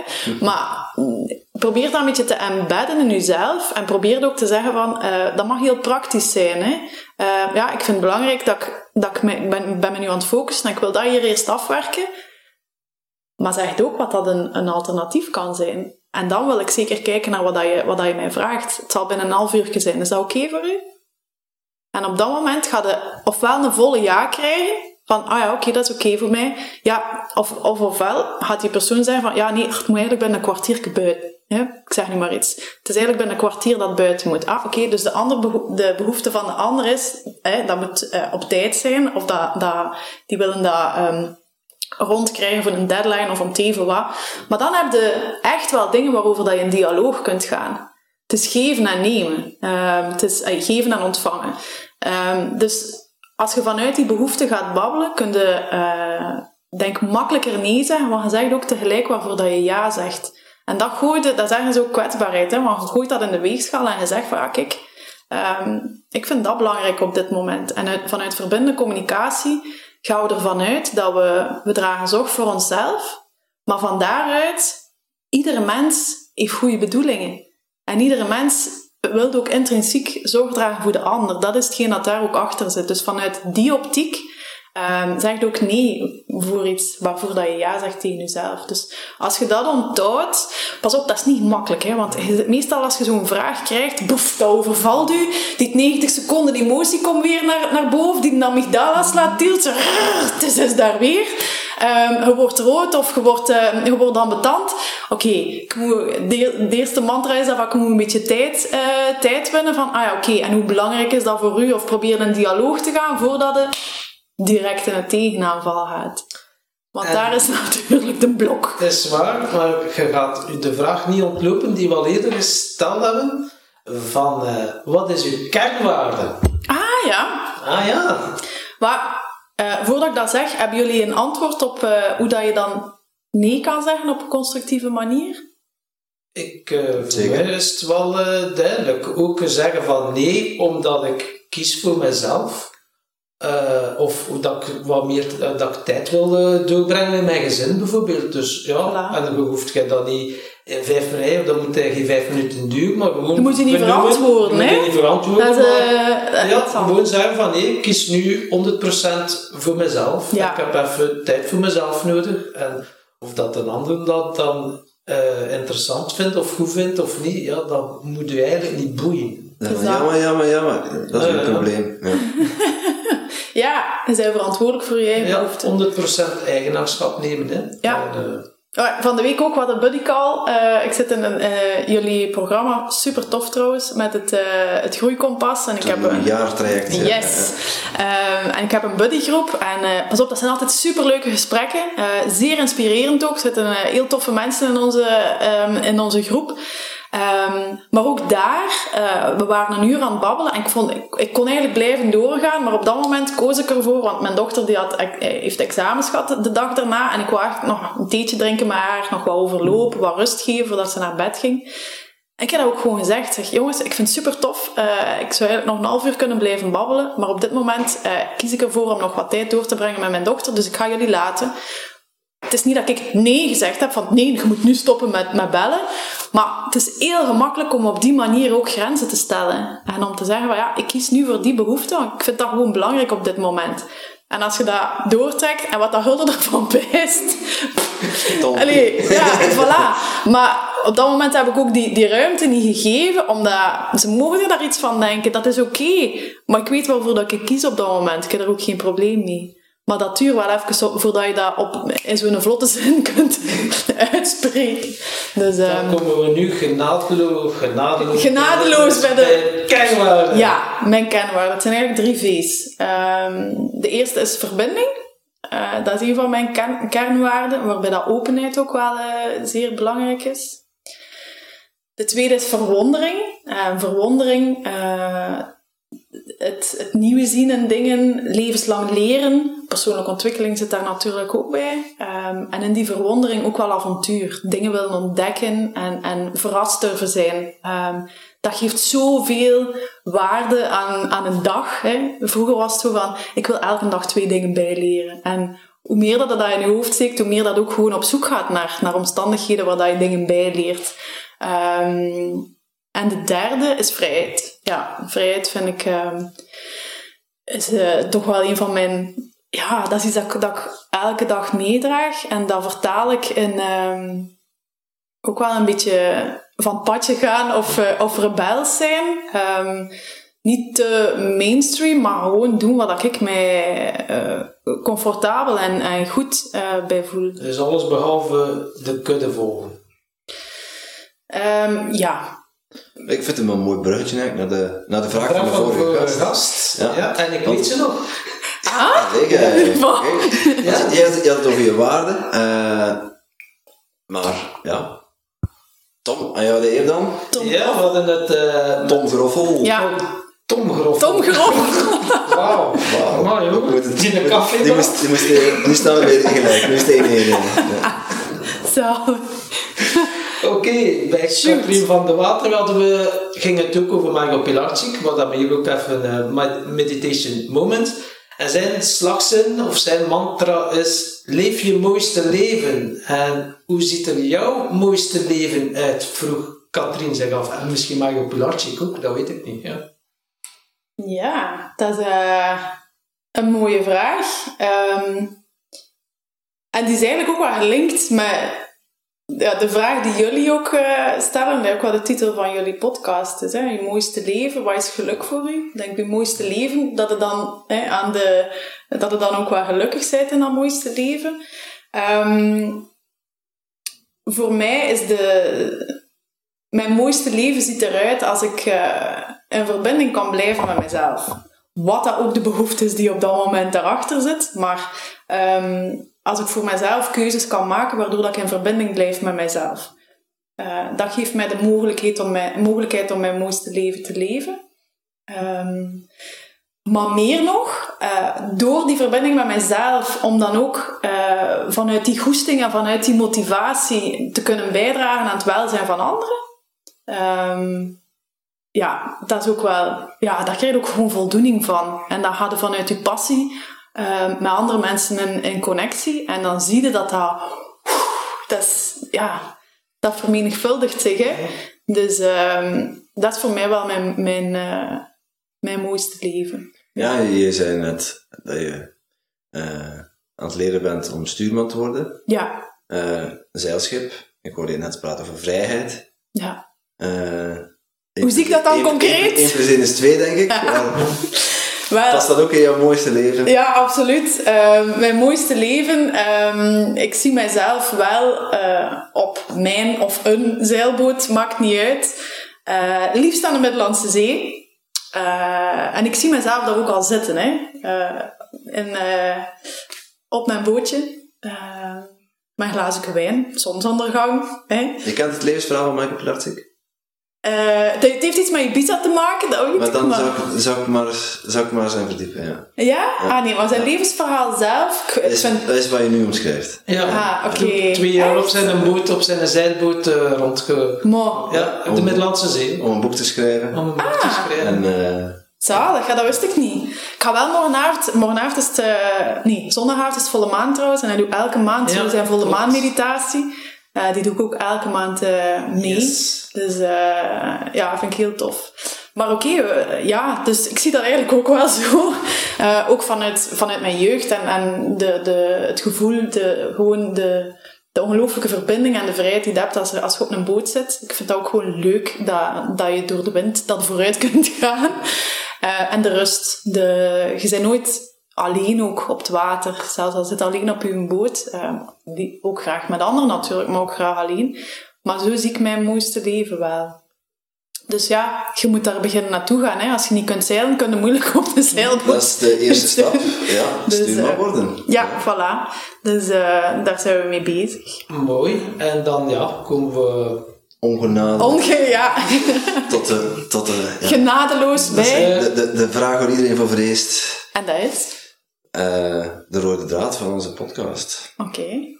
Want ja, je noemde het net al even. eh, van eh, je mooiste leven. Je, je linkt dat aan, aan, de, aan de subtitel van onze podcast. Ja. jouw GPS naar geluk en succes.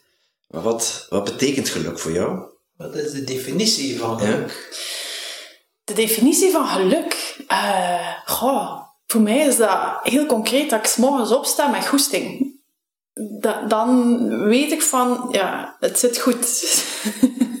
het zit goed in, eh, in mijn hoofd. En ik, eh, de mensen rond mij, die ik, eh, die ik belangrijk vind, of die, die mij nou aan het hart liggen, die, ehm, dat ik ook kan bijdragen aan, aan hun geluk. Ja, dat is voor mij geluk. En geluk, dat is ook... ehm, s morgens de eerste, ofwel koffie of van koffie, want ik ben nu even aan het afkicken van koffie. Maar dat gaat niet zo gemakkelijk als ik hier bij jullie zit. Maar alleen. Ehm, geluk zijn eigenlijk de, de kleine dingen. Ik kan soms echt op mijn fiets hebben, eh, als ik aan het fietsen ben, dat dat zo echt bij mij binnenvalt van, ah, wel ja, ben ik nu gelukkig. Ehm, maar dat kan ook zijn als ik een, eh, een discussie of conflict op, op, een, op een goede manier heb kunnen, eh, kunnen afronden. Of ehm, ja, dat zijn zo kleine spuitjes gelijk dat af en toe krijgt, dat geluk. Eh, dat kan echt soms wat kriebelen in mijn, in mijn buik. Eh, Oxytocine shirtje. ja, ja. En ook het, ja, de mindset van... ehm, ik sta ook wel positief in het leven. Ik ben ook enthousiast. En de mensen met wie dat ik... ik durf dat nu ook wel uitspreken, omdat ik weet, ik heb dat al zoveel gehoord van andere mensen ook, dat... ehm, ik heb veel energie en ik, eh, ik ga ervoor. En je weet dat dat ook andere mensen aansteekt. En dat maakt mij ook... Dat is eh, een lekker virus, hè? Uiteindelijk. ja, voilà. Dus geluk zit in, in, die, in die kleine dingen. Ehm, maar geluk zit hem ook in, in weten waarvoor dat ik dit doe.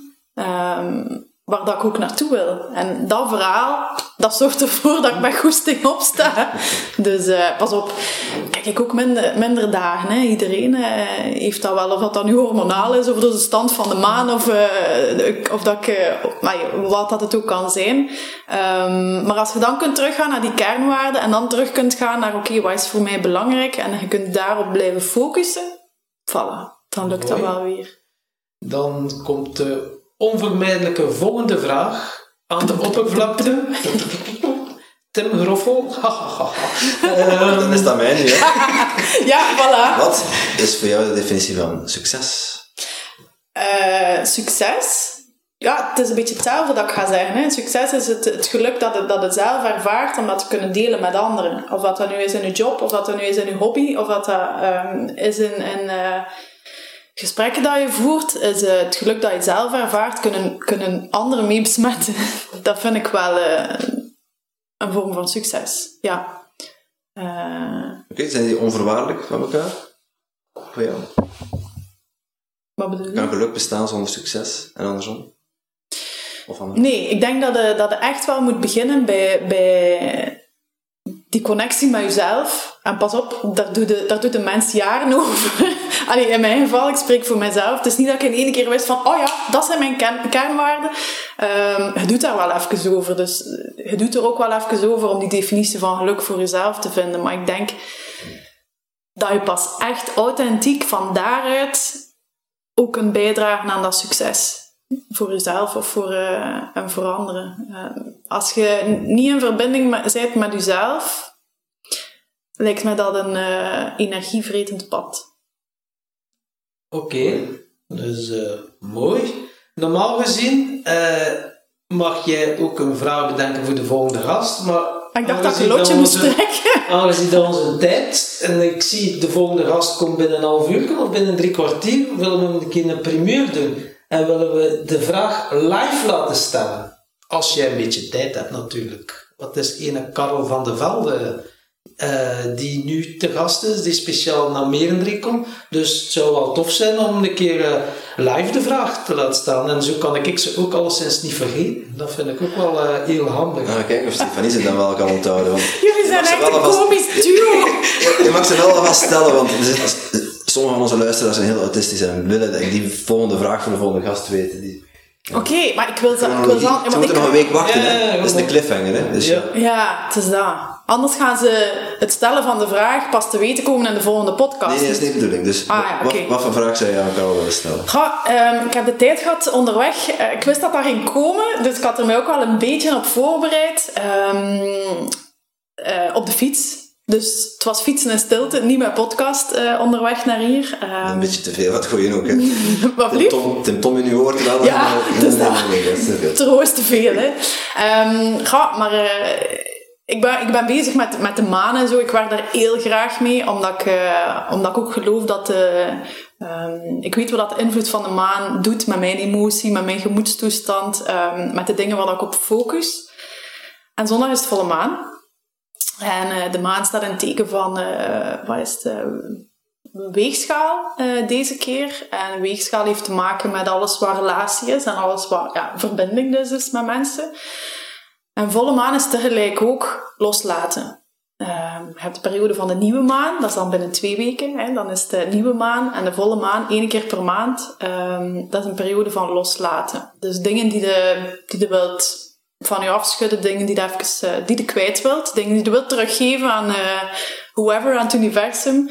Ehm, en mijn vraag zou zijn eh, aan Karel van, oké, eh, dat wetende, als volle maan is, wat is voor u iets dat je in dit thema, rond weegschaal, hè, rond verbindingen, rond relaties, wat is iets dat jij deze volle maan teruggeeft of wilt loslaten? Een hele mooie vraag. Wauw. We zijn benieuwd. Heel blij dat ze ook live gaan stellen, want als ik dat maar ging moeten uitleggen, dat was eh ja, Voilà. schoon. Tof. Ik Eh, herhaal ze graag nog een keer straks. we zijn, super. ja, we zijn eh, eh, straks in de gele- bent straks in de gelegenheid om hem inderdaad zelf te stellen. Dus eh, tof. Eh, tot slot, als mensen meer over jou willen, willen weten, eh, waar kunnen ze dan terecht, Stefanie? Ja, goede vraag. Ehm, op dit moment, ik heb nog geen website of zo. Ik ben, eh, op Instagram ben ik de Wacky Witch. Ehm, ja, dat verhaal heb ik nu niet verteld. Dat is misschien voor een, volgend, voor een volgende editie. Ehm, maar eh, ja, via Facebook Stefanie Reinaert of via LinkedIn eh, Stefanie Reinaert. Je zult me wel, wel vinden. Ik heb nog geen Wacky Witch als volger op onze Instagram van de podcast gezien, dus... Ah, oké. Ja, dat, dat ga ik nog een keer dat ga ik in orde moeten brengen. Ja, ik zit eigenlijk niet zoveel op, op, op, eh, op eh, noem het, Instagram. Maar daar kunnen ze in ieder geval vinden.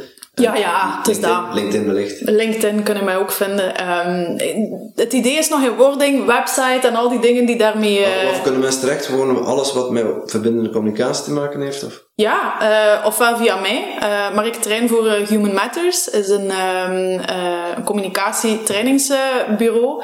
Ehm, maar dat staat ook allemaal op LinkedIn. Dus ik, kunnen ze mij zeker vinden. Of humanmatters.eu, dat is de, de website.